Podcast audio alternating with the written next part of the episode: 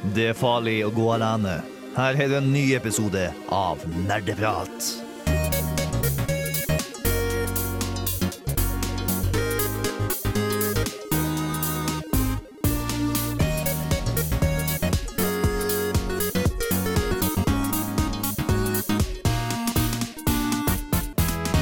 Hallo, alle sammen, og velkommen tilbake til en ny episode med Nerdprat her på Radio Revolt. Norges eldste spillmagasin. Kjempekult. Og denne helga her så er det nesten farligere enn noen gang å gå alene, fordi det er halloween. Oh, det er litt sånn skummelt. Eh, skummel stemning i lufta. Så det er åpenbart litt av det vi skal snakke om. Men vi skal også snakke om SCP. Hva er det? Hør og finn ut. Eh, jeg er da Håkon, jeg er programleder. Med meg i studio så har vi Bård. Anna. Tai. Steinar. Ja, hurra, vi er fulltallige igjen! Yeah. Så gøy. Um, ja, vi går uh, Vi skal jo snakke om hva vi har gjort siden sist. Uh, først, åpenbart, fordi det er vanlig protokoll. Um, Det vi gjør. men vi skal høre en låt først. Vi skal høre Valkyrien Allstars med 'Ikke noe å spare på' her på Nerdprat. Det er en hel uke siden sist vi hadde sending, og vi har jo gjort ting i mellomtiden. Så hva har du gjort siden sist, Tai? Jeg sa forrige gang at jeg skulle begynne på en ny runde med The Witcher 3, og det har jeg gjort. Um, hvis du sammenligner denne playthroughen med forrige playthrough, så er min nye Gerald litt av et rasshøl. OK. Uh, forrige gang jeg spilte det, var sånn der, Vet du hva Gerald skal være? Han, han er sånn der, Han er krigsherdet, ikke sant? Han er, veldig, han, er, han er jo hard, men han er fortsatt hyggelig. Nye Gerald. Et rasshøl som bare er ute peng, etter penger fordi jeg har lyst på nytt sverd. Betyr det at du alltid går for de slemme eh, dialogvalgene? Nei, jeg går for det dialogvalget som gir meg mest penger. Ja. ja. Fair. Kort og godt. Men altså er jo ikke Witcherne anerkjent for at de bare bryr seg om uh, gull? Jo, altså, det er jo en myte. Witcherne er i kos... OK, ja. Ja, ikke sant? Så jeg føler du er Du er jo kanskje litt i Geralt er vel kanskje unntaket der, da, men du er jo fortsatt i karakter. Jeg er eh, fortsatt i karakter. Ja. Mm, definitivt. Ja. Ja. Eh, noe mer? Eh, nei, egentlig bare det, altså. Nei. Da går vi videre. Anna? Eh, jeg har hatt en fin uke. Jeg har hatt bursdag i går, faktisk. Uh, gratulerer. Vi gratulerer Anna med dagen her nå. Tusen takk. takk.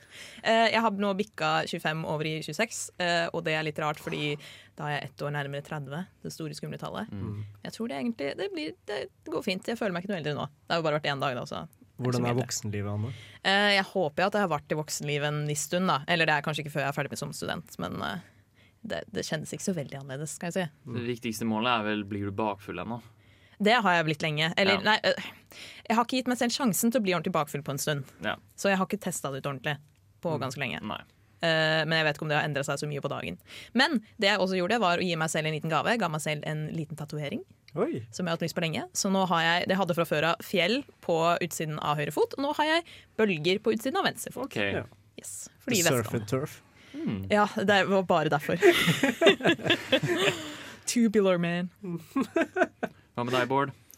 Jeg har spilt veldig mye forskjellig, faktisk, siden okay. sist. Jeg kjøpte DTFO uh, for noen dager siden. Prøvde det så vidt med et forferdelig gruppe som uh, vi fikk ikke til så veldig mye. Hva er det?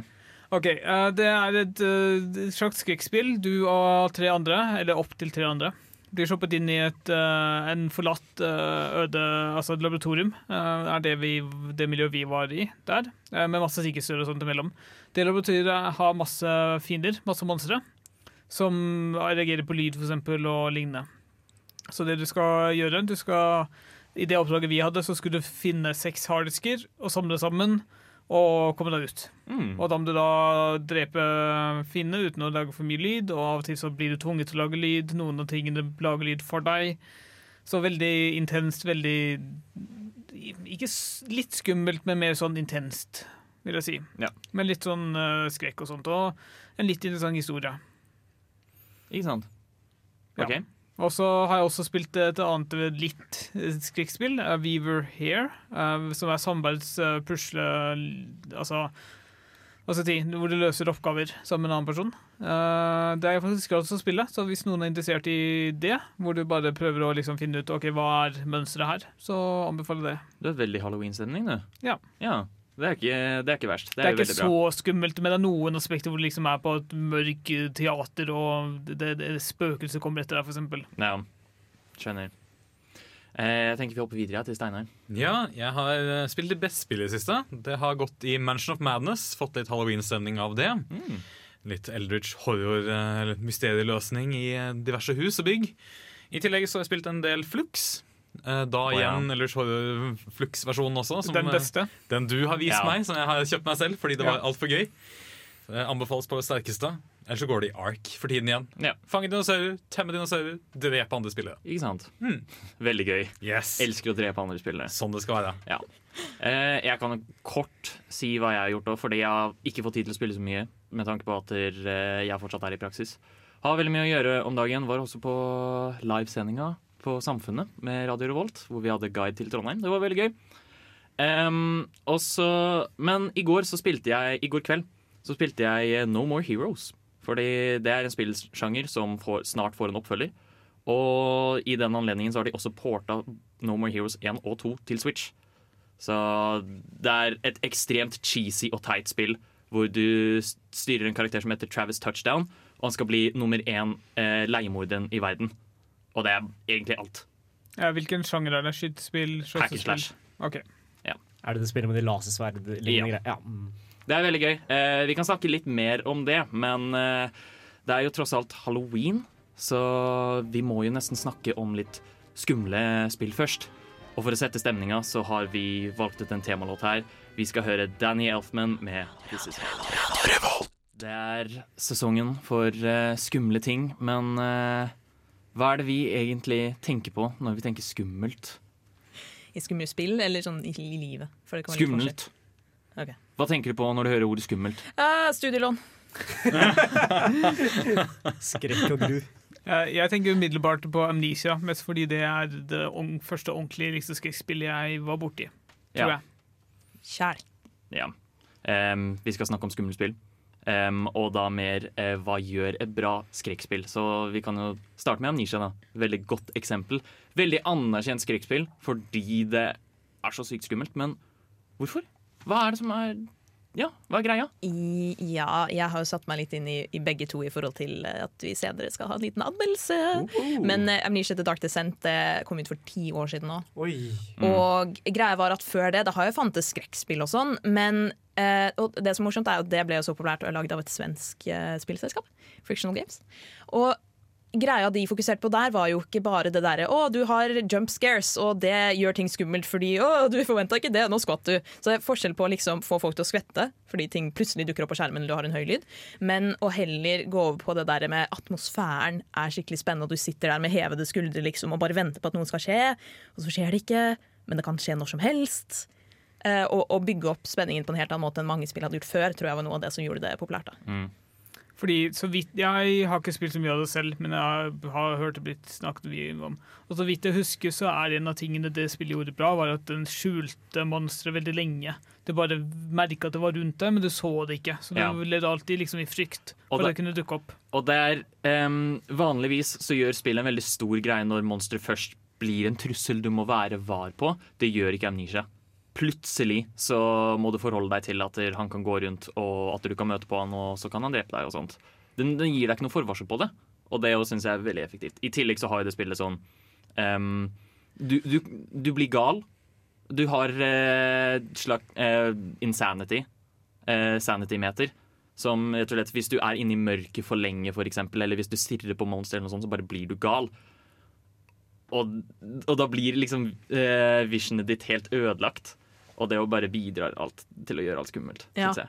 Eh, jeg lurer på om det var noen sånne lurerier som spillutviklerne hadde brukt der. Da, med at de, liksom, de, de fikk jo spilleren til å tro at å, hvis du blir gal, så kommer monsteret til å finne deg med en gang. Sånn at de lurte spilleren til å tro at jeg må unngå å bli gal og være for lenge i mørket, fordi da er det større sjanse for at jeg kommer til å dø. Men egentlig så var det ikke det som var greia. Det ble bare brukt som en veldig sånn effektiv fryktfremkallende mekanikk. Da. Men var ikke greia at du, det gjorde egentlig ingenting å bli gal? Du bare ble gal?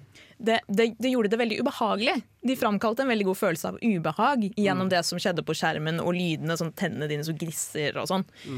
Så det var jo veldig effektivt uansett. Ja. Men uh, jeg, jeg har lyst til å f- eh, frem, uh, fremheve én ting som jeg syns er mest effektivt, eller en, Hvis et spill da eh, Hvis et spill klarer å få meg til å føle en ting, så syns jeg det er kvalifiserer som bra. Og i skrekkspillsjangeren så er det rett og slett det at jeg har ikke lyst til å spille videre. Ja. Tanken om at jeg, jeg stopper La oss si jeg stopper en gang, og så er det bekmørkt, og så bare føler jeg Jeg har ikke lyst til å gå ned for å se hva som er der. Jeg har, ikke, jeg har lyst til å stoppe å spille nå. Det syns jeg er bra. Ja, I den sammenheng, så Da jeg spilte Amnesia for sånn, ja, gud vet hvor mange år siden nå, så spilte jeg det aldri alene. Jeg spilte det med folk fordi alle fikk den følelsen. Så hvis vi hadde sittet hver for en av oss, så hadde vi aldri runda det. Men når vi satt sammen og tvang han ene som sa OK, da jeg kan ta styringa fordi ingen andre vil det, da klarte vi å runde det. Men bare da. Jeg er også veldig kjent med den følelsen der. Vi pleide å spille Slenderman hos en kompis. Ja. Og det er sånn derre OK, vi er fire stykk, og vi er fire menn. Så da er det to ark hver, og så er vi ferdig for kvelden. Ja. Vi, vi kom oss bare så langt som syvende ark, da, fordi jeg dro hjem. det var jo jævlig skummelt, mann. Men eh, det var jo et spill som spilte mye mer på de jumpscarene. Eller jeg følte at de spilte mye mer på det der liksom eh, Det er relativt enkelt, da. At du blir forfulgt av Slenderman, og plutselig kan han dukke opp. Nei, men jeg likte liksom at hver gang du tok et ark, så begynte eh, den derre. Ja. Den ble dypere og dypere, ikke sant? og så Ja, gikk det fortere og fortere etter hvert. Mm. Det syns jeg var fantastisk bra jobba. Det er sant, det hadde jeg helt glemt. De bygde jo opp stemningen der også, sånn gradvis. Ja, så det skjer jo ingenting helt til du finner det første arket. Ja. Og det elsket jeg. Det var, jeg hata spillet, men det, det, var, det gjorde inntrykk. Jeg har et spørsmål. Må et spill være mørkt for at dere syns det er skummelt? Mm, Ikke nødvendigvis. Men uh, jeg, jeg merker at uh, det hjelper, i hvert fall. Eh, mye av eh, eh, Et av de skumleste spillene jeg har spilt, er Dead Space 2 spesifikt. Em, og der er så mange av korridorene bare liksom bekmørkt. Og jeg, jeg tror jeg brukte sånn fem timer lenger på å spille gjennom det spillet enn jeg burde, bare fordi jeg hadde ikke lyst til å se hva som var gjennom korridoren. Ja. Jeg tror atmosfæren som en helhet er veldig viktig. Det er ikke, så veldig, ikke nødvendigvis veldig viktig med monstre og hvorvidt det går selv, men bare hvis atmosfæren er der, så blir det skummelt. Ja, og det bidrar veldig til eh, når det er mørkt, da. Ja. Em, vi må hoppe videre. Uh, vi skal høre Dean Morris med TV her på Nerdprat. Så har vi på en måte definert litt av det viktigste for uh, skrekkspill. Um, eller det vi syns er viktig for skrekkspill, altså atmosfæren. Ja. At dere setter en atmosfære. Hva med eh, hva, Hvordan kommer de mest ikoniske skrekkspillene inn i dette? Er det noen som har lyst til å ta, starte? Jeg hadde lyst til å nevne også Outlast, som eh, var en av de spillene som kom fram sånn etter Amnesia skapte en sånn skrekkspillbølge, og alle streamerne bare oh, 'skrekkspill', la oss skrike på kamera. Eh, men i Outlast så styrer du en Han er vel en rapporter som Ja. kommer til et sånt gammelt asylum som er ganske forlatt, tror han. Eh, og du spiller ved å se i først- første person gjennom et håndholdt kamera. Eh, som skaper en veldig unik atmosfære, fordi i mange steder du går, så kan det være greit belysning, og du trenger ikke kamera, men så blir det helt mørkt. Og da må du fram med kamera Ja. og få det grønnfilteret og sånn, fordi ellers kan du ikke se en dritt. Ja, det er poenget at kamera er på en måte night vision. Ja.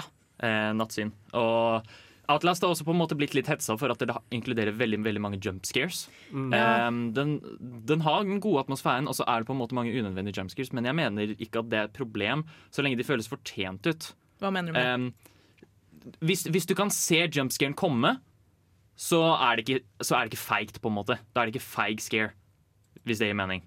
At du vet Ja, men Du, du skjønner på en måte Ok, nå, nå er det en lukka dør her. Nå har det ikke skjedd noe på en stund. Jeg føler det kommer noe, og så kommer det noe. Men og da skvetter du, men du vet at det kom. Men altså den forutsigbarheten, du syns ikke at det ødelegger for overraskelseselementet, da? Nei, fordi man vet fortsatt ikke hva det er. Eller at det skjer. Det er, men man har en følelse på det. Men Jeg liker veldig godt når de bruker den forutsigbarheten. Nå har det ikke skjedd noe på en stund. Å nei, du kommer til Mm. døra. Du åpner den.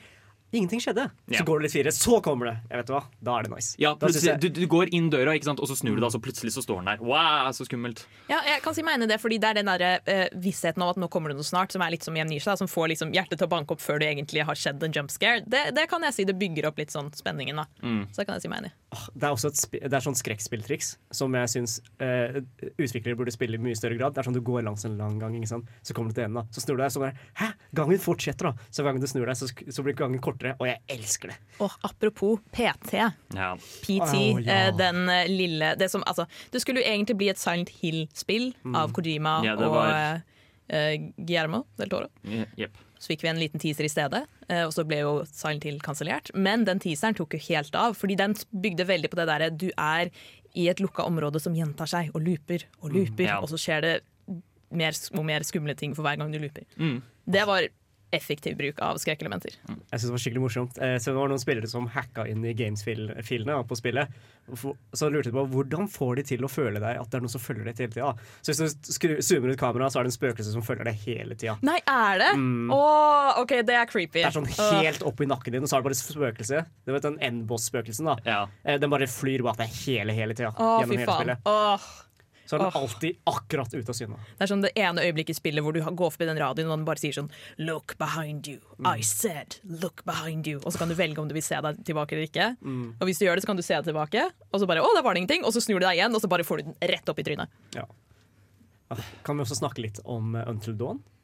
Um, det må vi nesten ta etter låt. Okay. Um, men um, vi skal snakke mer. Uh, det er veldig mye å ta fra, og det er kjempegøy å snakke om dette. Men vi skal høre låt først. Vi skal høre Dorian Electra med Edge Lord. Radio, radio, radio, Revolt! Tai, Ja! vi hopper rett til Until Dawn. Ok. Eh, Until Dawn var jo et ganske kjent spill da, fra, i sin tid. Det er jo sånn skrekkspill hvor du har litt sånn der flere valg, da. Uh, så det er veldig sånn choose your own adventure-stil, hvor du, eh, hvor du eh, hvor du spiller karakterene og utvikler forholdet deres gjennom spillet og oppdager på hvorfor de er på dette mørke fjellet langs ute i Mm. helvete, og hvorfor det går til helvete. da. Og så, ja, du styrer karakterene, og så er det noen som prøver å drepe deg. da. Mm. Eh, veldig sånn klassisk eh, Veldig klassisk horrortrope. Eh, nå drar vi på hytta, og så er det en eller annen mystisk morder som prøver å drepe deg. Ja. Men det som gjør det spillet så utrolig skummelt, i hvert fall for min del, er at der, du må faktisk lide med konsekvensen av dine valg. Ja. Som vil si at hvis du gjør Du får som regel sånn La oss si du gjemmer deg da for under eh, et eller annet, Mm. og så er morderen i rommet, så kan du velge OK, bli under, eller så kan du løpe ut Ja. og spurte for døra eller noe sånt. Altså, hver gang du gjør et valg, så kommer det en liten sommerfugl gjennom bare The butterfly effect has activated. Det er bare sånn, faen, hva gjorde jeg nå? Ja, og det er, sånn, det er så skummelt, fordi plutselig så dør noen, og så bare Faen, det der var min feil! Definitivt. Ja. Er det tilfeldigvis lagd av de samme som lagde Man of Medan? Ja, det er det. det Fordi- er uh, Supermassive Games. Ja, jeg har spilt Man of Medan. Eh, Det var ikke så skummelt i, i mine øyne likevel. Men det tror jeg også generelt fikk dårlig, uh, Ja. dårlig mottakelse uh, sammenligna med Until Dawn. Mm. Men, så, men vi, vi liker i hvert fall en Dawn. Det er veldig bra skuespill som anbefales å spille gjennom. Ja, så var det veldig Det var veldig go godt skuespill i det, da. Siden de valgte jo De hadde jo veldig gode skuespillere som spilte karakterene også. Ja, fordi det var en sånn type spill hvor bare OK, vi har skikkelig fokus på, uh, på uh, Hva heter det sånn når du eh, fanger Eller du har skuespillere som spiller Motion capture. Ja, motion capture, tusen takk. Og du har folk som Rami Malek, for eksempel, fra Mr. Robot, og Bohemian Rhapsody, og Mm. ordentlige karakterer. Eh, det er vel kanskje også naturlig å ta opp en annen eh, veldig veldig populær eh, et veldig populært spill som har blitt veldig stort i det siste. Fasmofobia. Ja. Det, Eh, hva er greia med fasmofobia? Hvorfor er det så stort? Fasmofobia er egentlig alle sin drøm om å bli Ghostbusters, bare i virkeligheten. Ja. Bare et av deres spill, da. Sånn halvveis i virkeligheten. Mm. Eh, hva er det man eh, Kan du forklare, utdype f.eks. hvordan et oppdrag fungerer? Ja, altså, du tar jo et oppdrag, da, så kan du velge vanskelighetsgrad. ikke sant? Altså, I forveien kan du kjøpe inn eh, utstyr da, som du tror du trenger til oppdraget. Mm. For eksempel noe salt eller, eh, eller noen stearinlys. da. Så går du inn i huset, der er det et spøkelse, og så har du oppdraget ditt da, er å finne ut hva slags type spøkelse det er, og så ta bilder av det og interagere det på en måte hvor du ikke dør, da, men Mm. samtidig greier å finne ut hvilken spøkelse dette er. Så greia er at for eksempel Eh, du går inn, uh, det begynner å bli kaldt i rommet. Å nei, hva er dette? Så har du en journal. Du trykker på Oi, det ble kaldt på rommet. Uh, og så, så etter hvert da, så finner du flere og flere clues. Så finner du til slutt hvilken type spøkelse det er. Du tar et bilde, så går du hjem. Mm. Uten å dø. Ja. Helst. Eh, Så ikke så veldig mye Ghostbusters, men mer sånn prøve å kommunisere med de døde. ja, vi skal finne Ja. ut hva som egentlig skjer Ja. her, er vel greia. Ja, Um, du skal ikke fange spøkelset. Nei, det skal du på ingen måte. Men det er liksom veldig sånn Det er veldig sånn du skal, Det er detektivspill, da. Ja. det er kult fordi du kan spille med venner. Definitivt. Um, og så er det sånn Det er en veldig sånn skummel del av det der eh, det kommer en sånn svær lyd, sånn brum, eller noe sånt. Mm. Og da jakter spøkelset kun deg. Er det ikke sånn? Er det det? Jeg tror det. Um, så, så om du hører den lyden, da er det sånn Faen, jeg er fucked. Nå er Ja. spøkelset ute etter meg. Men du kan jo spurte ut av huset, da. Ja, ja. Um, men det er også, det er også for, forresten en del av liksom, detektivgreia. Fordi du får en del Du har en sånn liten trøkk hvor du Ja. kan hente alle varene dine. Og så har du også i tillegg en tavle som gir deg praktisk informasjon. I, I hvert fall noe praktisk informasjon om spøkelset.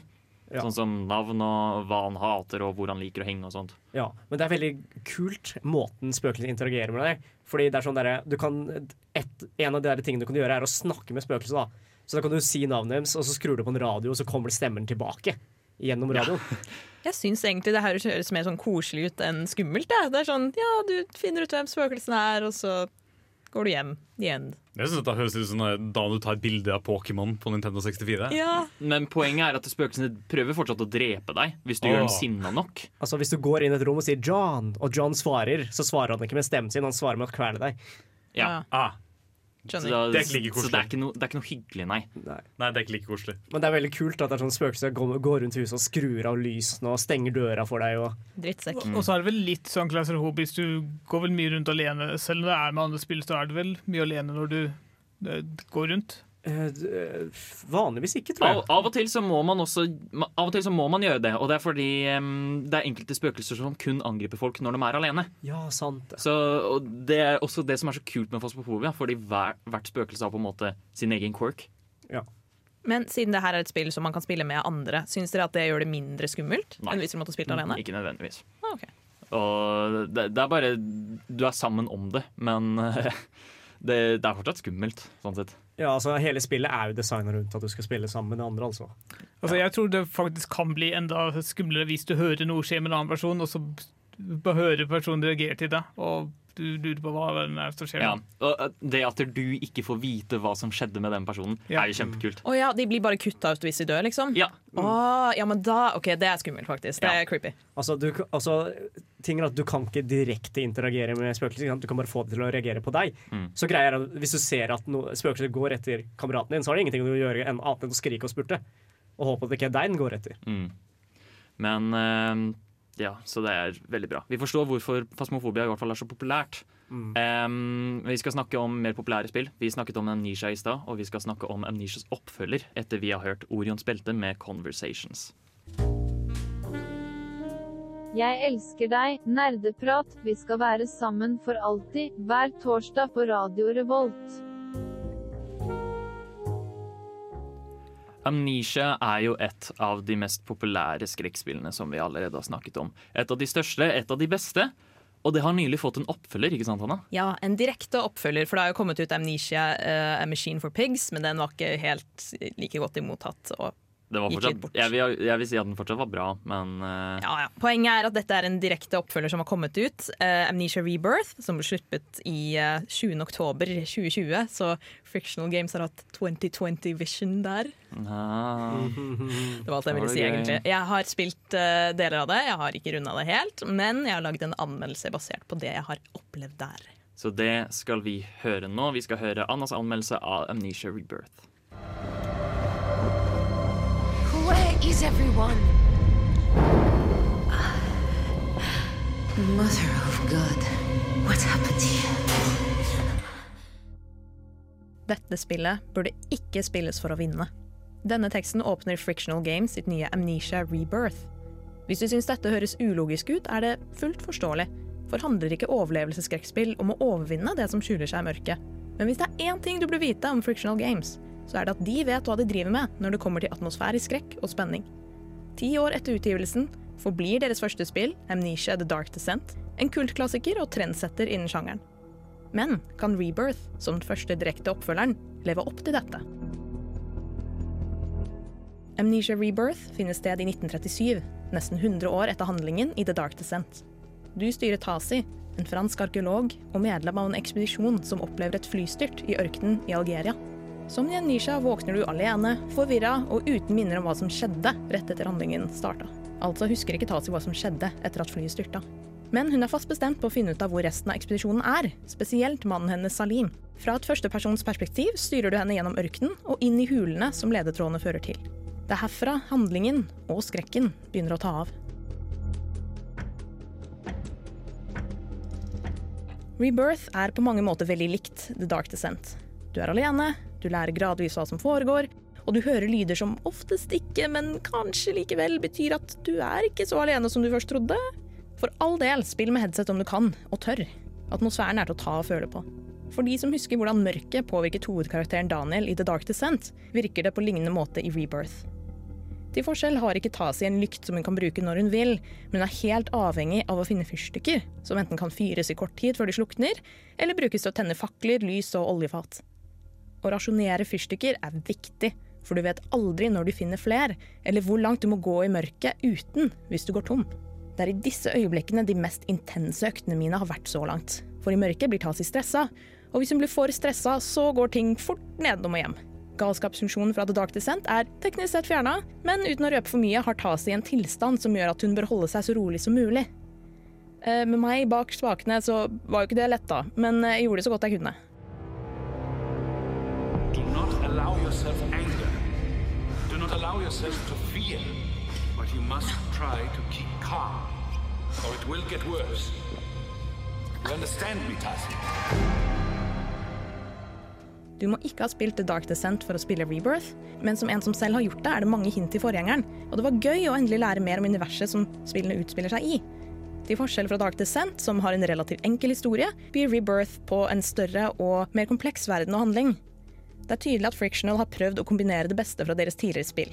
Spillmekanikken og kontrollene er veldig like de i The Dark Descent, mens det dypere narrativet minner mer om den eksistensielle skrekken i Zoma. Fokuset i Rebirth er aldri på billig skrekk gjennom jump scares. I stedet bygger spenningen opp gjennom omgivelser, historiefortelling og Tasis opplevelser, selv om det så klart er monstre på lur.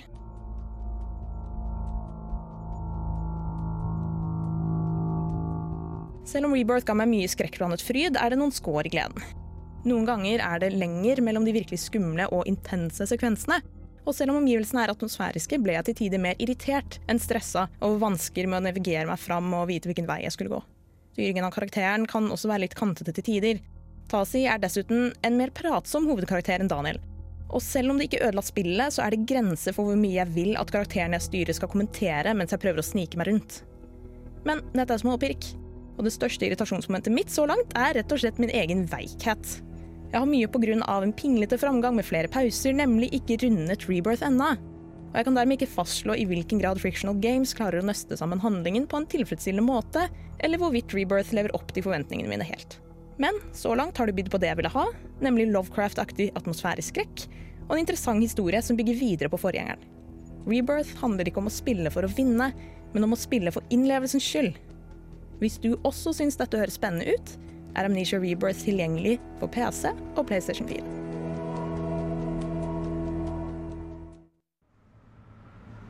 Vi skal nå høre fra en mann som er veldig langt unna hva han syns om programmet Nerdeprat på Radio Revolt. Nerdeprat er veldig gøy! Vi snakker om nerdeting og dataspill! Sånt liker jeg! Jeg må bare starte med en gang. Er det ikke en lykt? Du har ingen lykt, du finner fyrstikker, og hvis du bruker de for fort, så blir det mørkt, og du dør. Nei, det, det, det, er noe av det som de har gjort veldig effektivt. Det er det der stresset med at å, faen, ok, jeg kan tenne en fyrstikk nå fordi det er dritmørkt og jeg begynner å bli stressa, og du hører at pulsen begynner å dunke i ørene og tanngnissing og alt sånt. Men den brenner jo bare sånn ti sekunder. Ja, Og hvis jeg ikke finner noe å tenne på innen da, så har jeg brukt den for ingen nytte. Og så kan du liksom prøve å spurte av gårde i mørket og finne noe du kan tenne på, men så vet du ikke hvor langt det er til det. Og så, ja. Kan fishingen bare gå ut av at du løper? Eller var den alltid ti sekunder eller sånt? Det har jeg faktisk ikke tenkt Øh. over. Eh, det hadde vært interessant om du gjorde det. Jeg vet at Du har for eksempel sånne mekanikker som sånn der, hvis du croucher, så beveger du deg mer stille enn hvis du går rundt. Så husk på å gjøre det noen ganger. Men eh, ja, det er jo ikke alle områdene du er i hvor dette er tilfellet at det er så mørkt, og sånn, men det er jo liksom i mange av dem.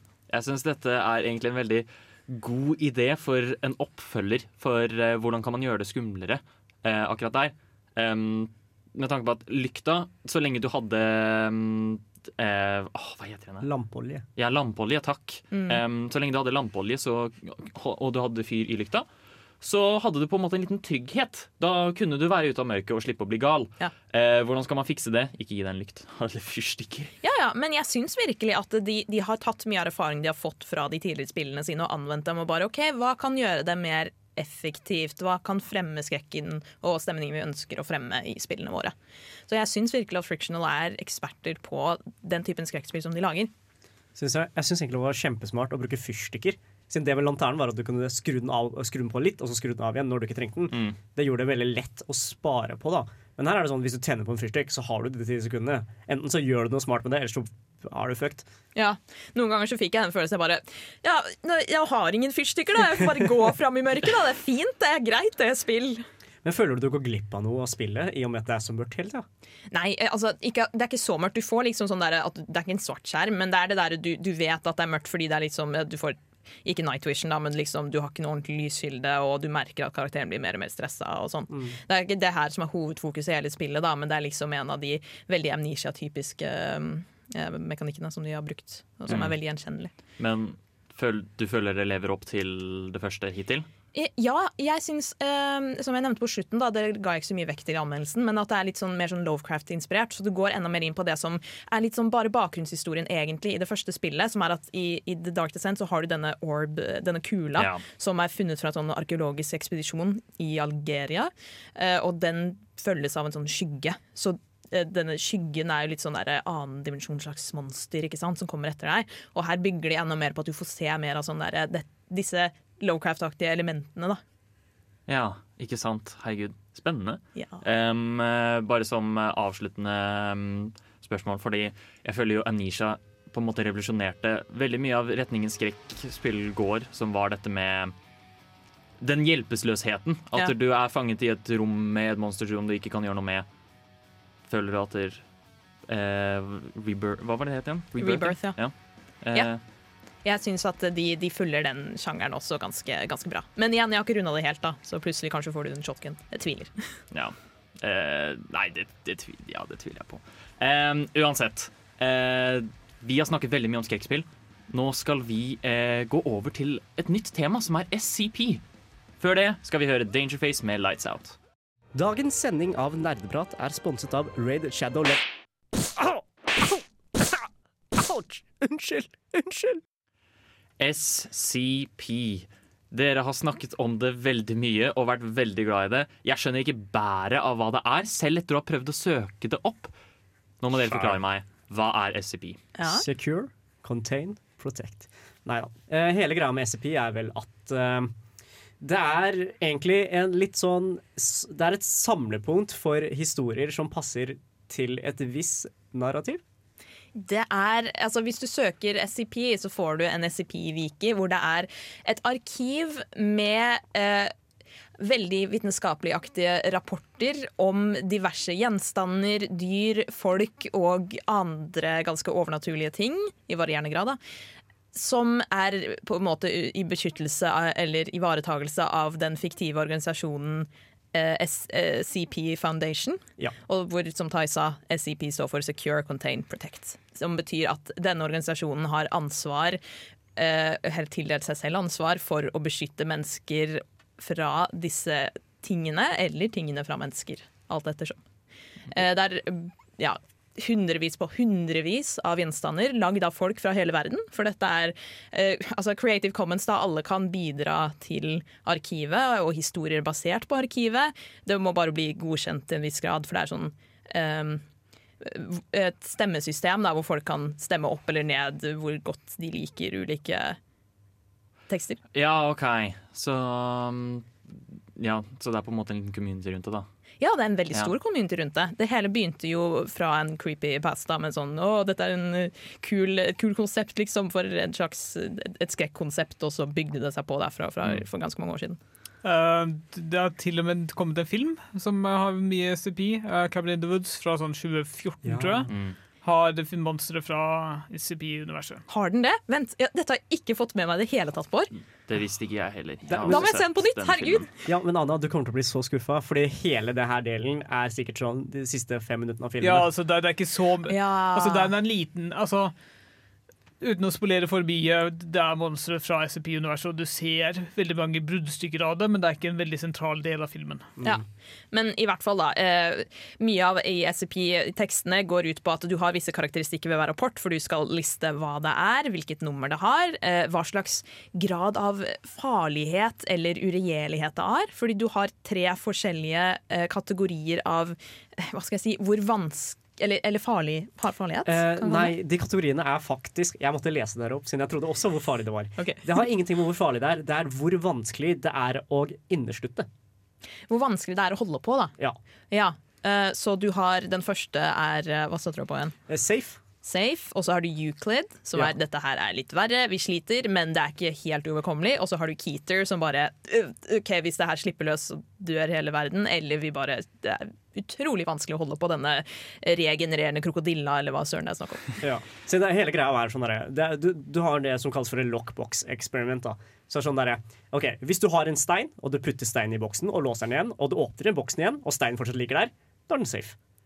Hvis du putter steinen i lokkboksen, låser den igjen, og åpner den igjen, og så kan, kan hende den er borte, da er den Euklid. Så putter steinen Vent, OK, så hvis Vent, si det en gang til. Ok, Så du har en, du har en, du har en boks. Du putter en stein inni den, og du låser den igjen. Og så åpner du boksen på nytt. Og så er ikke steinen der? Nei, om det, så er den kanskje der, eller kanskje ikke. Ikke sant? Ja. okay. Da er den Euklid. Så har du Ketter, som er den siste klassen. da Hvis du putter steinen inn i boksen, og du åpner, og, eller du åpner boksen, ikke sant? men steinen allerede er i trynet ditt fordi den har drept deg, da er den Ketter. Det er liksom for å demonstrere Det her er liksom basically kategoriseringen man går etter, da, med tanke på hva, hva, hva søren det er man må håndtere. For det er jo så sykt variasjon i hva disse Mm. objektene eller tingene Ja, kan være. fordi SCP kan, en SCP kan på en måte være hva som helst. Det kan være hva som helst. Altså, det er det folk finner på. da Fordi det er jo folk fra over hele verden som sitter og lager disse rapportene, historier basert på dem. ikke sant? Så det er egentlig bare fantasien som setter grenser. Så for å gjøre det litt sånn virkelighetsnært, at det kunne i teorien vært en smartphone. Det kunne vært telefonen din. Det kunne vært telefonen din, eh, men det, det, det må ikke være en ting. Det kan være et dyr, det kan være et konsept. Det kan være en memetic mutation, som altså en sånn idé som sprer seg veldig fort. Og hvis den sprer seg til folk, så kan det hende at de enten altså, ja, hopper i havet eller eh, gjør et eller annet rart. Eh, Og så er det vanskelig å holde styr på fordi det er en idé. Kan vi si at Siri er en SCP? Hvorfor? Eh, hvis hun hadde begynt å implementere ideer i hodene til folk fra eh, alle tingene hun var plassert i, så jeg, ja. jeg tror hun gjør det. ja. Okay, ja. Hun kan muligens være det. Må holde eh, et øye med Siri. Men dette er et det kan være ganske abstrakt, da, med Det andre er ord. det. Men det er det som gjør det. Det er det som gir det mye potensial for skrekk. Fordi hvis du har en ting som folk for eksempel ikke kan avbilde, fordi hvis, hvis du avbilder den, så kommer den og dreper deg, som vi skal snakke om litt senere, så eh, hva, hva skal du gjøre da hvis den først slipper løs?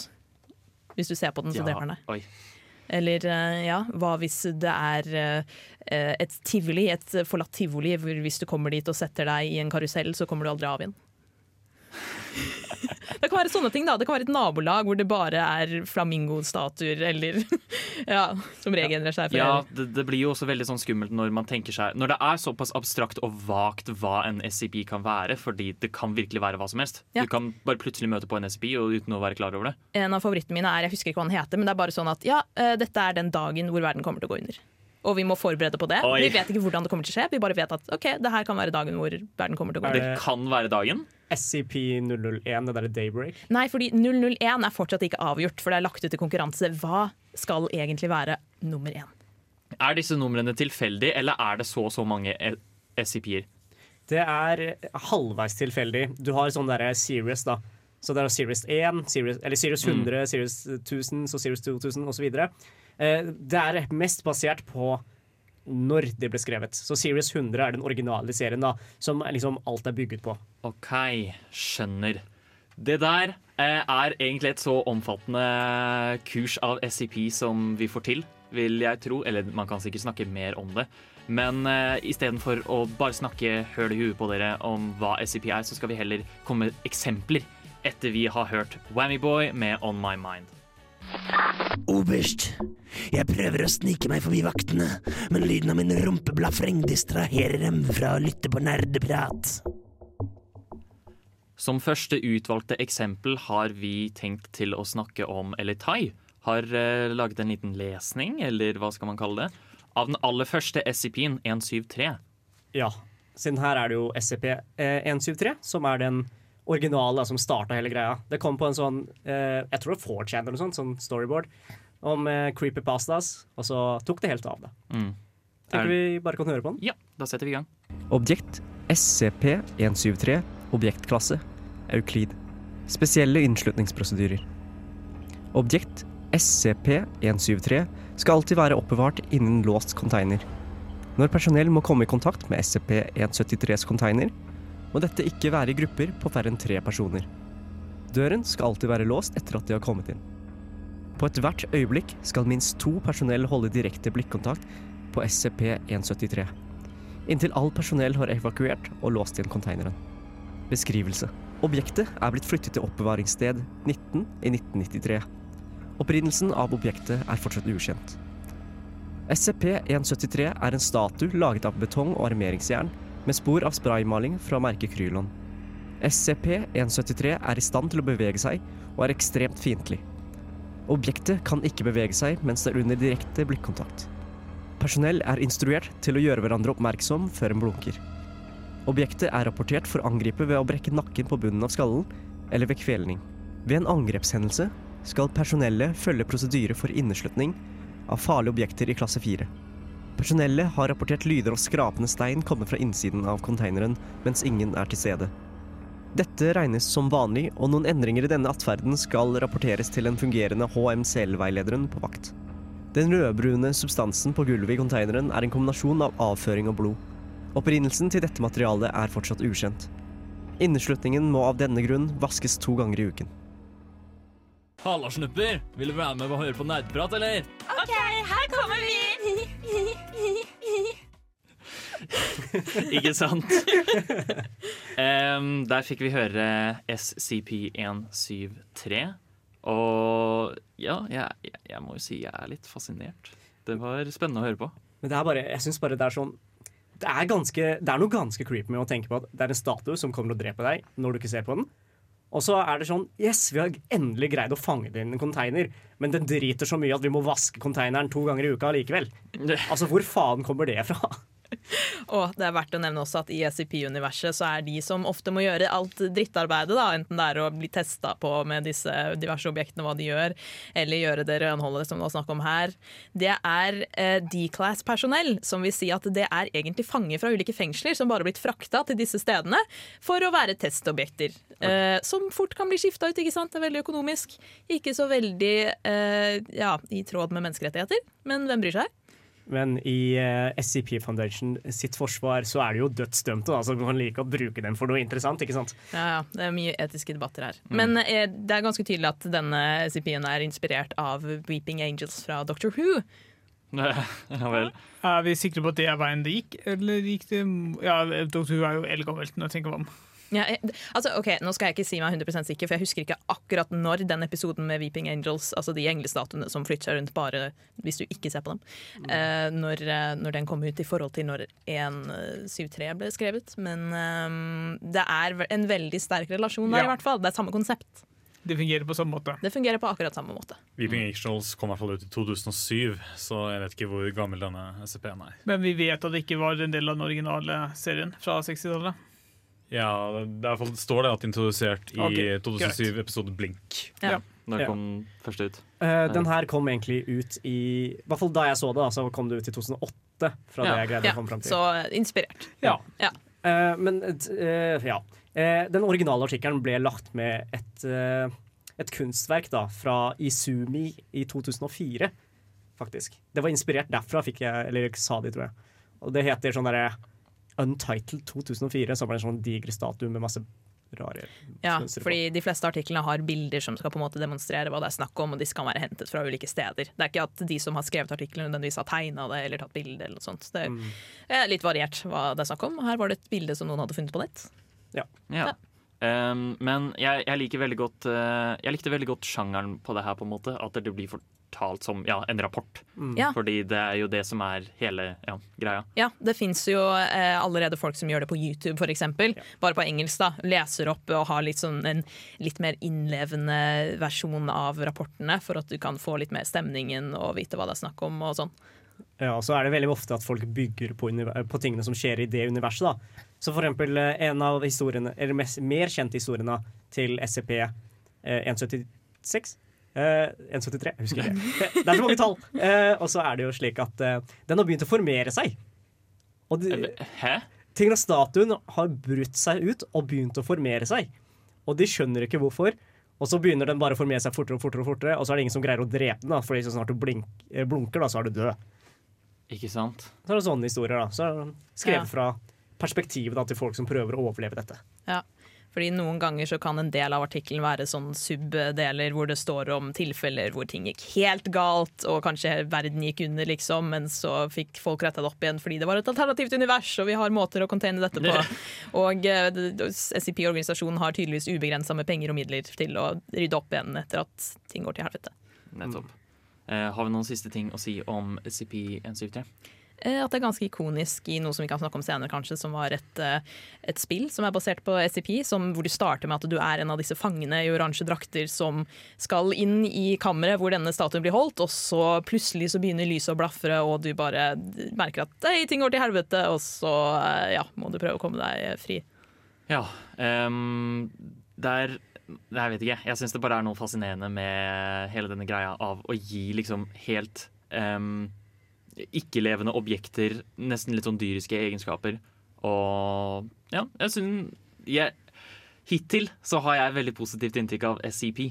Det. Og, så det skal sies. Um, men vi er ikke ferdig helt ennå. Uh, vi skal faktisk eh, snakke mer om SCP, og vi skal ta for oss en SCP til. Og det er da SCP-096. Shy Guy. Shy Guy. Det skal vi gjøre etter vi har hørt Marbles med She's So. Vi snakker fortsatt om SCP her på Nerdeprat, eh, og vi skal gå videre til SCP-096. Du nevnte at denne het Shy Guy. Mm. Er det noe vi trenger å vite om denne før vi hører på? Den er creepy. Den er creepy. Det trenger kanskje ikke å si mer. La oss høre på 096. SCP-096. Objektklasse Euklid. Spesielle inneslutningsprosedyrer. SCP-096 skal innesluttes i en fem meter ganger fem meter ganger fem meter stor lufttett stålkube til ethvert øyeblikk. Det skal ikke være noen som helst form for videoovervåkning eller optiske verktøy av noen slag på innsiden av SCP-096 inneslutning. Sikkerhetspersonell skal benytte seg av forhåndsinstallerte trykksensorer og laserdetektorer for å forsikre seg at SCPs tilstedeværelse inni beslutningen er på plass. Alle former for bilder, videoopptak og innspillinger av SCP-096 skikkelse er strengt forbudt. Unntatt når tillatt av Dr. eller O5. Beskrivelse.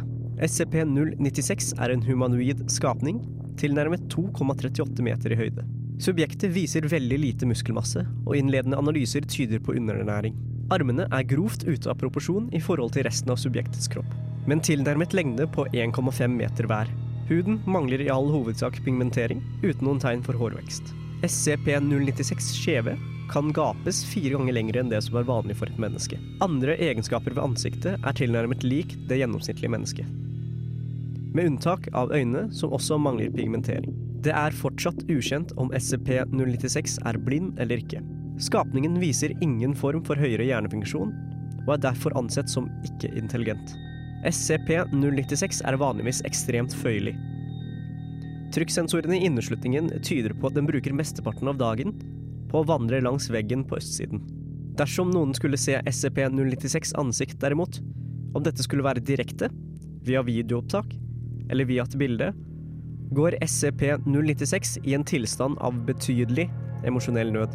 SCP-096 vil da dekke for ansiktet med hendene og starte å skrike, gråte og bable uforståelig. Til to minutter etter ansiktet har blitt observert, vil SCP-096 begynne å løpe mot personen som så dets ansikt. Personen som så ansiktet til SCP-096, vil fra dette punktet bli henvist som SCP-096-1. Hastigheten til SCP-096 har blitt dokumentert til å variere mellom 35 km i timen til km i timen, avhengig av avstanden til SCP-096-1. I skrivende stund er det ingen kjente materialer eller metoder som kan hindre SCP-096 fremdrift. Den faktiske lokasjonen til SCP-096-1 ser ikke ut til å ha noen innvirkning på SCP-096-reaksjonen. SCP-096 ser ut til å ha en innebygd følelse av lokasjonen til SCP-096-1 til enhver tid. Ved ankomst til SCP-096-1s lokasjon vil SCP-096 begynne å drepe og SCP-096-1. I 100% av tilfellene er det ikke etterlatt noen spor etter hendelsen. SCP-096 vil deretter sette seg ned i noen minutter, før den igjen blir rolig og føyelig. Den vil deretter prøve å komme seg tilbake til sitt naturlige habitat i Grunnet risikoen for en stor kjedereaksjon, med bl.a. brudd på selskapets hemmeligheter og store tap av sivile liv, skal gjenfangsten av subjektet være prioritet alfa. Dok har begjært for umiddelbar terminering av SCP-096. Termineringen er blitt godkjent og skal gjennomføres av doktor Den Se hendelse 096-1-A for detaljer.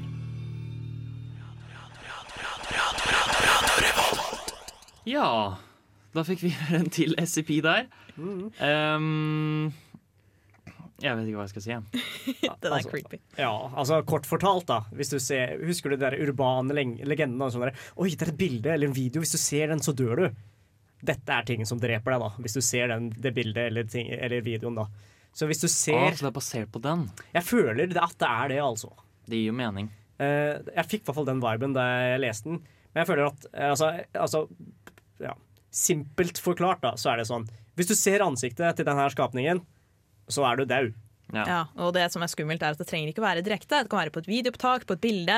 Og i, senere i, i tekstene i, i den artikkelen så kommer det jo fram at eh, størrelsen på det bildet, det kan være på kanskje noen piksler. Så du kan ikke, altså det kan hende du ikke har registrert engang at du har sett det. Men det er Ah. nok til at den kommer etter deg. Ja. Det er, jeg ville trekke fram eh, en, eh, en fyr på YouTube som eh, Eller et team på YouTube, da, på en kanal som heter Mr. Clay. Som lager, har lagd noen korte filmer basert på SCP. Og en av de er basert på 096. Og det er en ca. 23 minutter lang spillefilm som handler om et tilfelle hvor den har klart å komme seg løs. Og det blir sendt team etter for å prøve å hindre at, eh, at flere sivile havner i skuddlinja. Fordi hvis flere personer ser dette, så vil jo alle til slutt bli drept. Og så har du plutselig kanskje en kjedereaksjon fordi folk kanskje har tatt jeg vet ikke, videoopptak av denne tingen.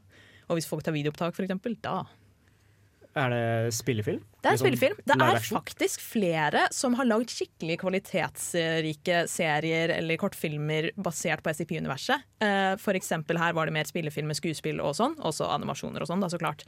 Eh, Og det er også noen som lagde en sekvens eh, lagd i GTA.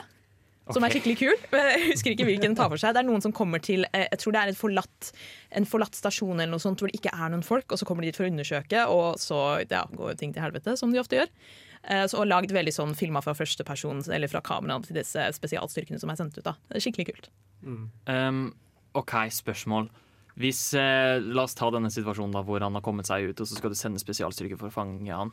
Hvordan gjør man det hvis man ikke kan se på han? Altså, I denne kortfilmen så må det gjøres ved at du kan ikke se direkte på denne greia. ikke sant? Så det er noen som har funnet opp, som jobber i eh, Foundation, et filter som blurrer ut ansiktet til det, den skapningen.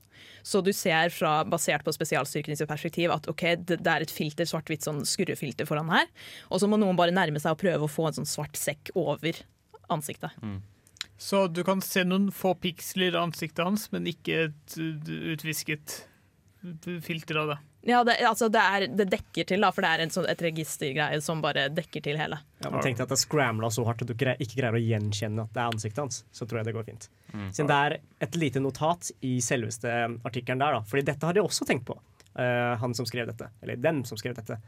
Uh, notatet sto det at uh, hvis det er en, gjen, en artistisk eller kunstnerisk gjenskapning av ansiktet, så vil han ikke reagere på det. OK, så, Så- du, du kunne i teorien malt ansiktet hans? da? Du kunne ha malt ansiktet hans og ikke dødd, men da har du ett til to minutter å male ansiktet hans før han dreper deg. da. Ja. Hvis du liksom må se på det for å kunne gjengi det. Ja. Um, kjapt spørsmål. Alle SCP-ene, er alle farlige? Liksom sånn at de prøver å drepe deg? Nei, det er det ikke. Det kan være koselige ting det er snakk om. Det kan være ting som bare er der, og folk vet ikke helt hva de skal gjøre med det. Så bare OK, de får ha det her, da, I guess. Men alle trenger ikke å være morderiske og ute etter å ende hele menneskeheten. Det er bare objekter som Eller, eller konsepter, eller hva det er, som bare er forvirrende. Eh, som ikke helt stemmer overens med vår eksistens, kanskje? Ja, basically. Ehm, ja. Hvor ofte kommer det nye SCP? Det er ikke noe ordentlig det, altså, det, det kommer an på når folk skriver det, egentlig. Men er det liksom en gang i år? Er det en gang i måneden? Å, det er oftere, oftere enn det. Jeg vil si det er mange ganger i måneden, jeg, basert på hvor mange som er aktive nå. Det har jeg ikke oversikt over, for det er folk fra hele verden igjen da, som kan skrive og lage. Um, ja, jeg likte det veldig godt, det her òg, i hvert fall. Um, særlig den redacted beaten. Mm, Uh, yeah. Det står vel kanskje ikke I tekstene, som, eller rapportene som du kan lese, da, så er det veldig ofte at det står sånn 'redacted', 'expunged'. Ikke sant? Og da hadde jeg ikke noe bedre bare måte å- fjernet fra rapporten, rett og slett. Ja. ja.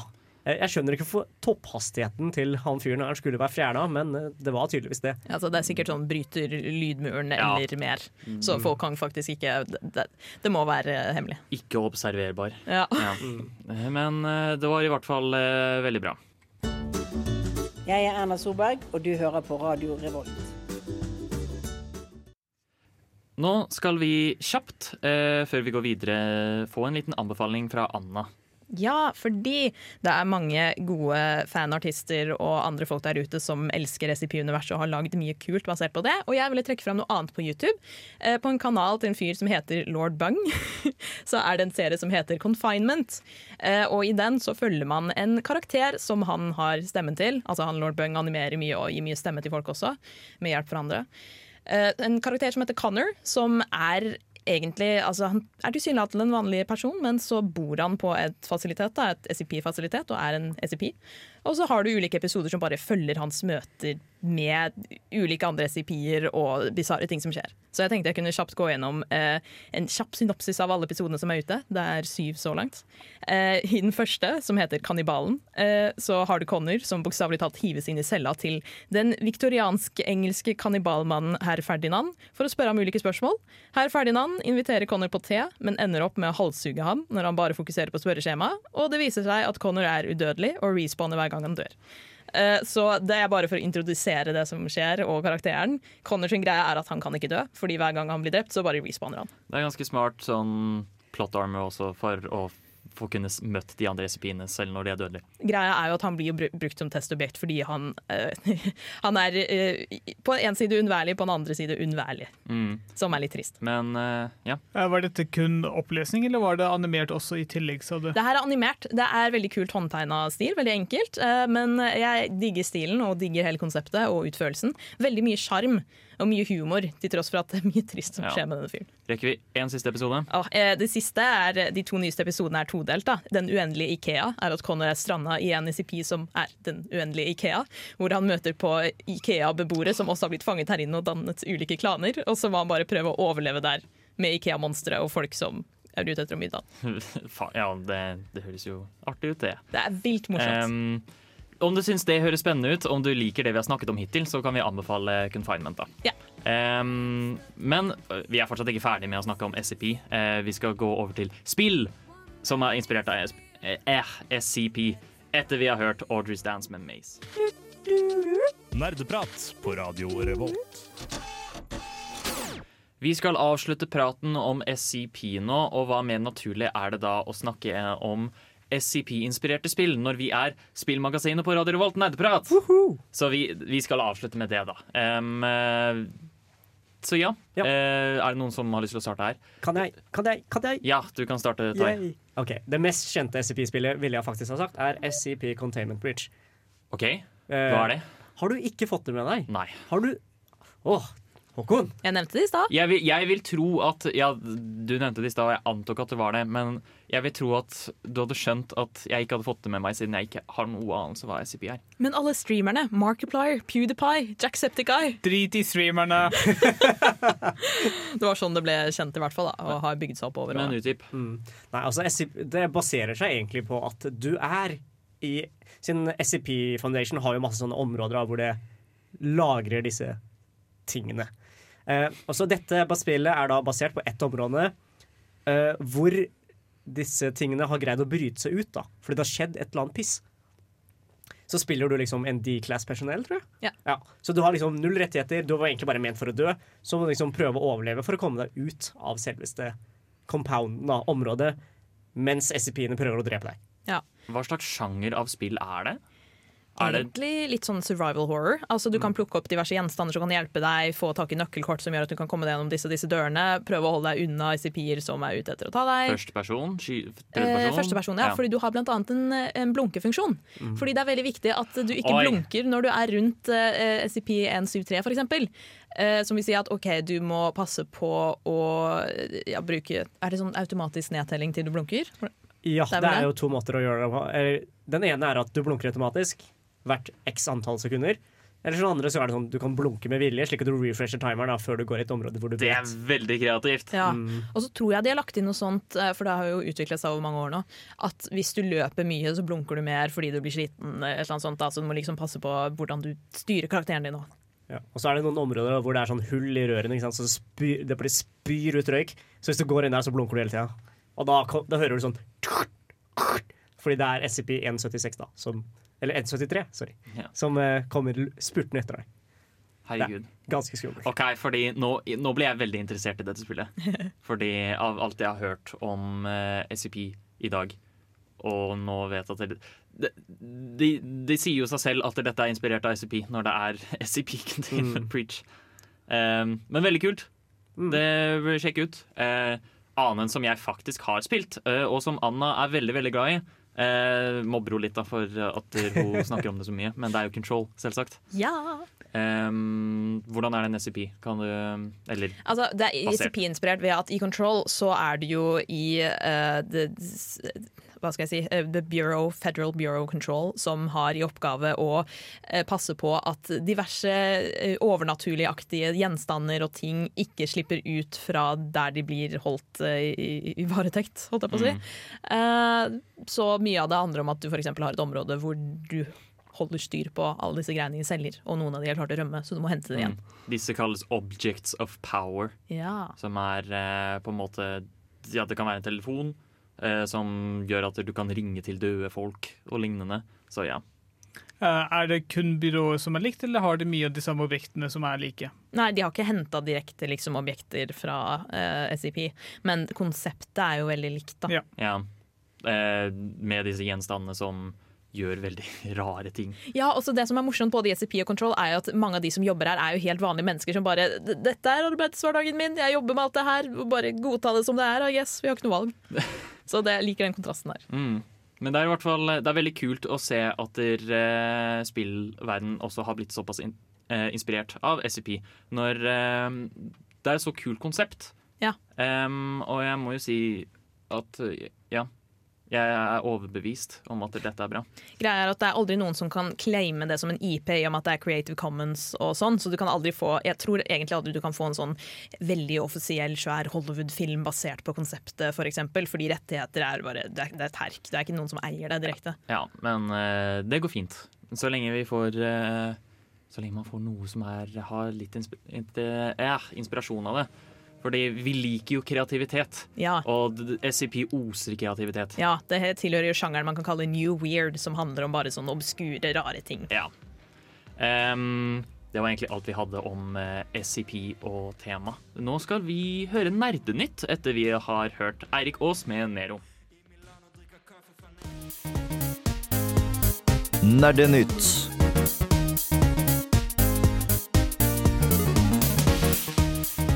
Å, herregud, om det har skjedd nyheter siden sist. Håkon, jeg er så sur. Åh, Jeg, gud! jeg, jeg, jeg sendte en eh, melding i Facebook-chatten eh, på tirsdag, hvor, eh, tirsdag kveld, hvor eh, Åh, jeg lo så høyt. Tai var fuckings rasende, og det var rett og slett eh, Cyberpunk er utsatt igjen. Hæ? Så Cyberpunk skulle egentlig Var det 16. november? 19. mener jeg. 19. november var det. Eh, det har blitt utsatt igjen til eh, 10. desember. 21 dager. Ja, 21 dager.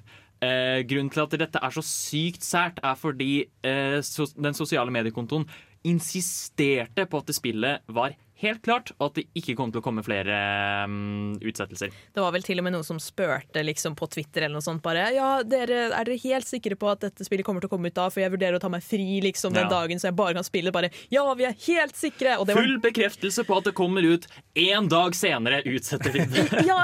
ja Å, jeg bare syns så synd på den personen som satt på kontoen og sikkert bare Å, faen. Ja. Ja, jeg tror til og med jeg har sett et bilde hvor, noen, altså, hvor de kommenterte på nytt og bare Oh shit. Ja. Sånn rett etter annonseringen var. Oh fuck. Ja, for det som er litt trist er at Dette tyder jo på at det ikke har vært god nok kommunikasjon mellom eh, hvem nå enn som var ansvarlig eller sa at OK, vi må utsette, og de som styrte mediekontoen, sikkert. da, så det er bare sånn Ja, her har det vært mangel på kommunikasjon som har fucka opp ting. Ja, det fremstår som veldig uprofesjonelt når eh, de er så skråsikre på det, og så bare går de tilbake på ordet sitt med en gang. Så jeg er ganske sikker på at eh, jeg, jeg leste et eller annet sted at utviklerne fikk vite det samme dag som den tweeten kom.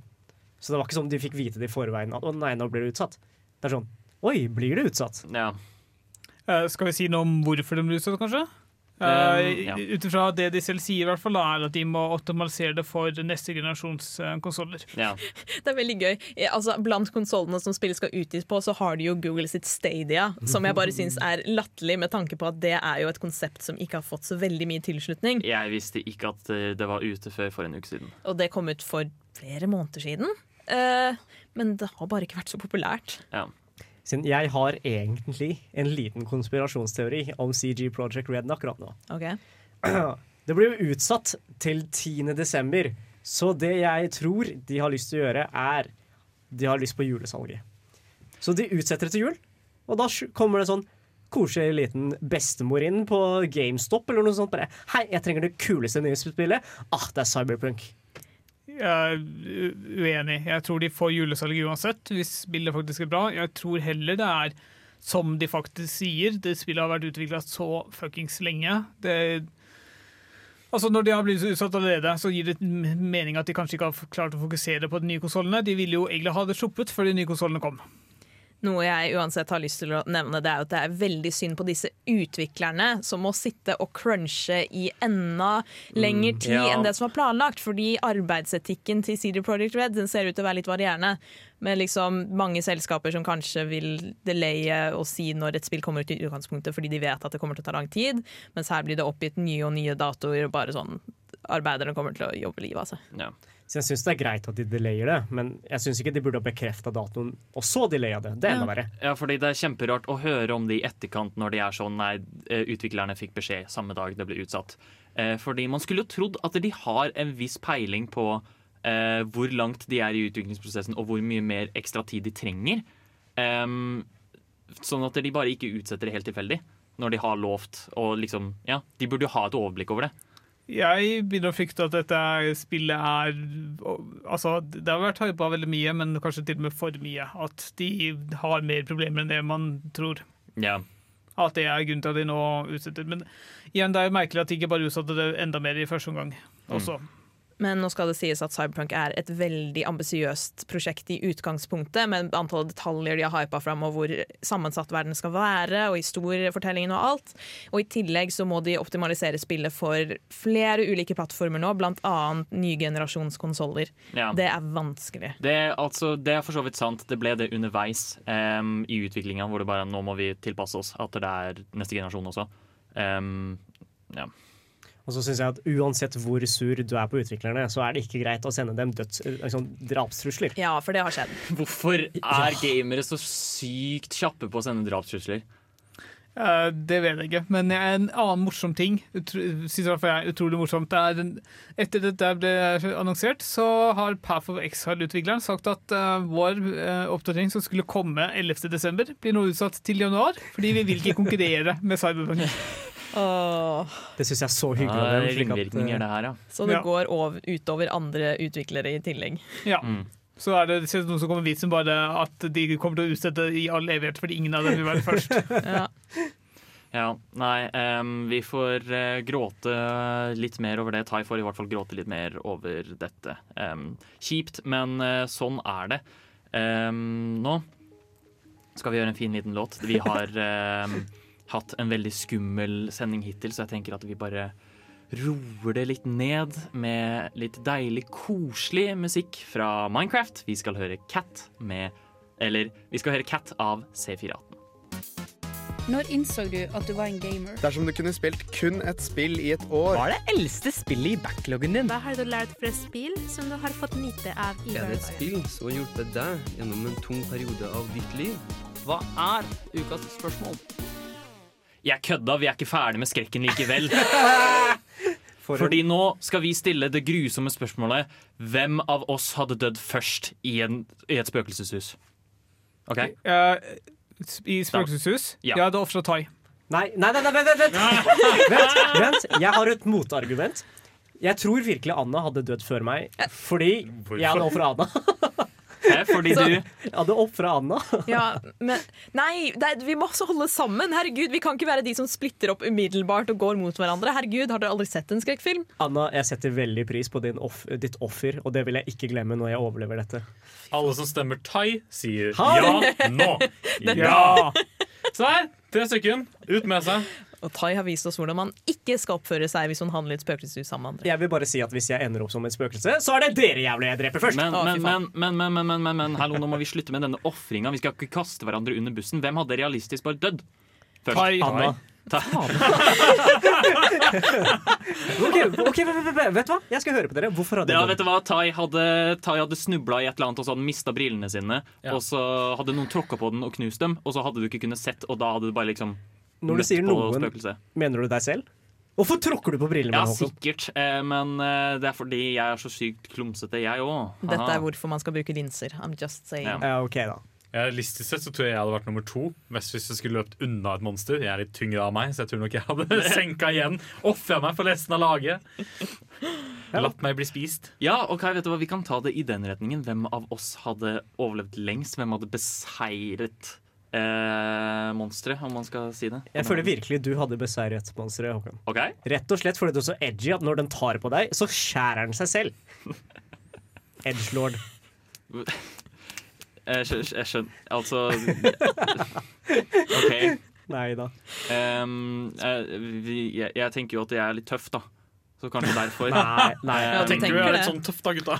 Eh, tai, Håkon har erfaring med å eh, slakte monstre i Monster Hunter. Har du det? Nei, men hallo, dette er jo ikke et monster, det er et spøkelse. Ja, men- eh, få terminologien din på plass. Eh, men jeg tenker faktisk, Bård, du har en veldig god realistisk sjanse på å overleve. Bård er sånn der, vet du hva, Kan vi ikke bare finne sikringsskapet her og så skru på litt lys og kanskje lufte litt? Kanskje den kommer seg ut? Ja, men sikringsskapet er jo den liksom første fella, da. Du går jo ikke rett for sikringsskapet, for du vet at han kommer til å være i kjelleren. Hva hadde du gått for, Bård? Altså, Mitt opprinnelige forslag var egentlig bare Jeg låser meg inn i studio, jeg sender ut eh, nødanrop på FM og venter her til redningen kommer. Militæret. Jeg liker at du antar at det er et studio i et spøkelseshus. jeg, jeg, jeg tenkte her Altså, jeg rømmer fra te- eh, spøkelseshuset, så kommer jeg til studio her, hvor vi sitter og pr eh, står og prater nå. Og så kom, tar jeg deg videre herfra. Men hvem skal redde deg? Er det ikke bare lettere å dra rett til politiet? Nei, fordi de Altså, jeg vet ikke om tilstanden til politiet. Jeg bare går til studio. Jeg lager nødanrop på FM-båndet. Bare vær så snill, drep spøkelsene. Og så venter jeg til de er ferdig. Hvem i politiet skal ta hånd om spøkelser, liksom? Den kjente spøkelsesavdelingen i Ja. Trondheim politi? Ja. Jeg har tilliten på Trondheim politidistrikt. Jeg tenker uansett at den ene som måtte ha overlevd, er Anna. Ja, jeg tror det er samme. Eh, og det er rett og slett fordi vi trenger Anna. Eh, fordi vi, for å ta litt eh, inspirasjon fra nesten helg, du må freude spøkelset. Vet du hva, det var det jeg skulle si! Jeg skal stille eksistensielle spørsmål som får spøkelset virkelig innse at det de gjør, er helt feil. Og det vil ikke være denne versjonen av seg selv Ja. lenger. og, og, da, og da får de endelig fred, fordi Ja. de innser Nei, dette her er ikke meg. Det er ikke sånn jeg vil være. Fordi kjærlighet er veien å gå, Ja, men folkens. poenget er rett og slett at Anna studerer psykologi, og hun kan da finne kjernesaken til hvorfor spøkelset er slem, og så kan hun sikkert hjelpe han med problemene. Eh, hun må også overleve fordi hun er den neste kvinnen. Ja, det er sant. Hun må også overleve meg som prøver å ofre henne, da. Kanskje... Tai, det er derfor jeg ofrer deg istedenfor. ja, men, det, men det er derfor også Tai ikke hadde dødd først. Fordi det hadde blitt en OK, forestill dere filmen. Eh, så hadde det vært en eh, krangel eh, underveis, og så hadde det bare vært Tai som hadde ledet ved konsekvensen i stedet. Tai dør, alle går ut, end credits. Ja. um, men vi konkluderer i hvert fall med at Anna overlever, Tai dør. Ja. Tai Det, dør. det, det, det er de eneste objektive sannhetene her i Ja, vi er enige i det. Ja. Ja. Eh, ja, da er vi Da har vi fått besvart det, og vi er straks ferdig med hele sendingen. Men før det, vi er ikke helt ferdig med spillmusikken ennå, fordi vi har hentet litt mer fra arkivet. Dette er bare en jævlig kul låt. Eh, vi skal høre Disco Descent eh, fra Crypto the Necrodancer. Da er ved veis ende for denne gang, men fortvil ikke. Vi er tilbake neste uke også. Men eh, vi har i dag snakket om halloween, eh, skumle ting, og SCP, som også for så vidt er en skummel ting. Men eh, veldig interessant. Eh, har vi noen siste tips? Det er vel noen par salg og gratisspill Eh, ute ja, nå? så vidt jeg kunne se, så har Steam nettopp starta sitt halloweensalg den helgen. Um, blant annet Fasmofobia er på salg. Ja, som vi nevnte i stad. Um, Sjekk det ut. Ja. Uh, Epic Games Store har Blair Witch og Ghostbusters Movie Remastered gratis. Og i, i sammenheng med Steam sitt halloweensalg, så er også Dead by Daylight gratis å spille. Jeg vet noen som er veldig glad i det spillet. Jeg har ikke fått prøvd det ut ennå selv, men gratis å spille er gratis å spille. Det er kjempegøy. Det er der de har han sexy pyramideguyen fra Silent Hills. Det kan hende. Å ja, herregud. Pyramid Head? Ja. Pyramide-daddy, slå meg.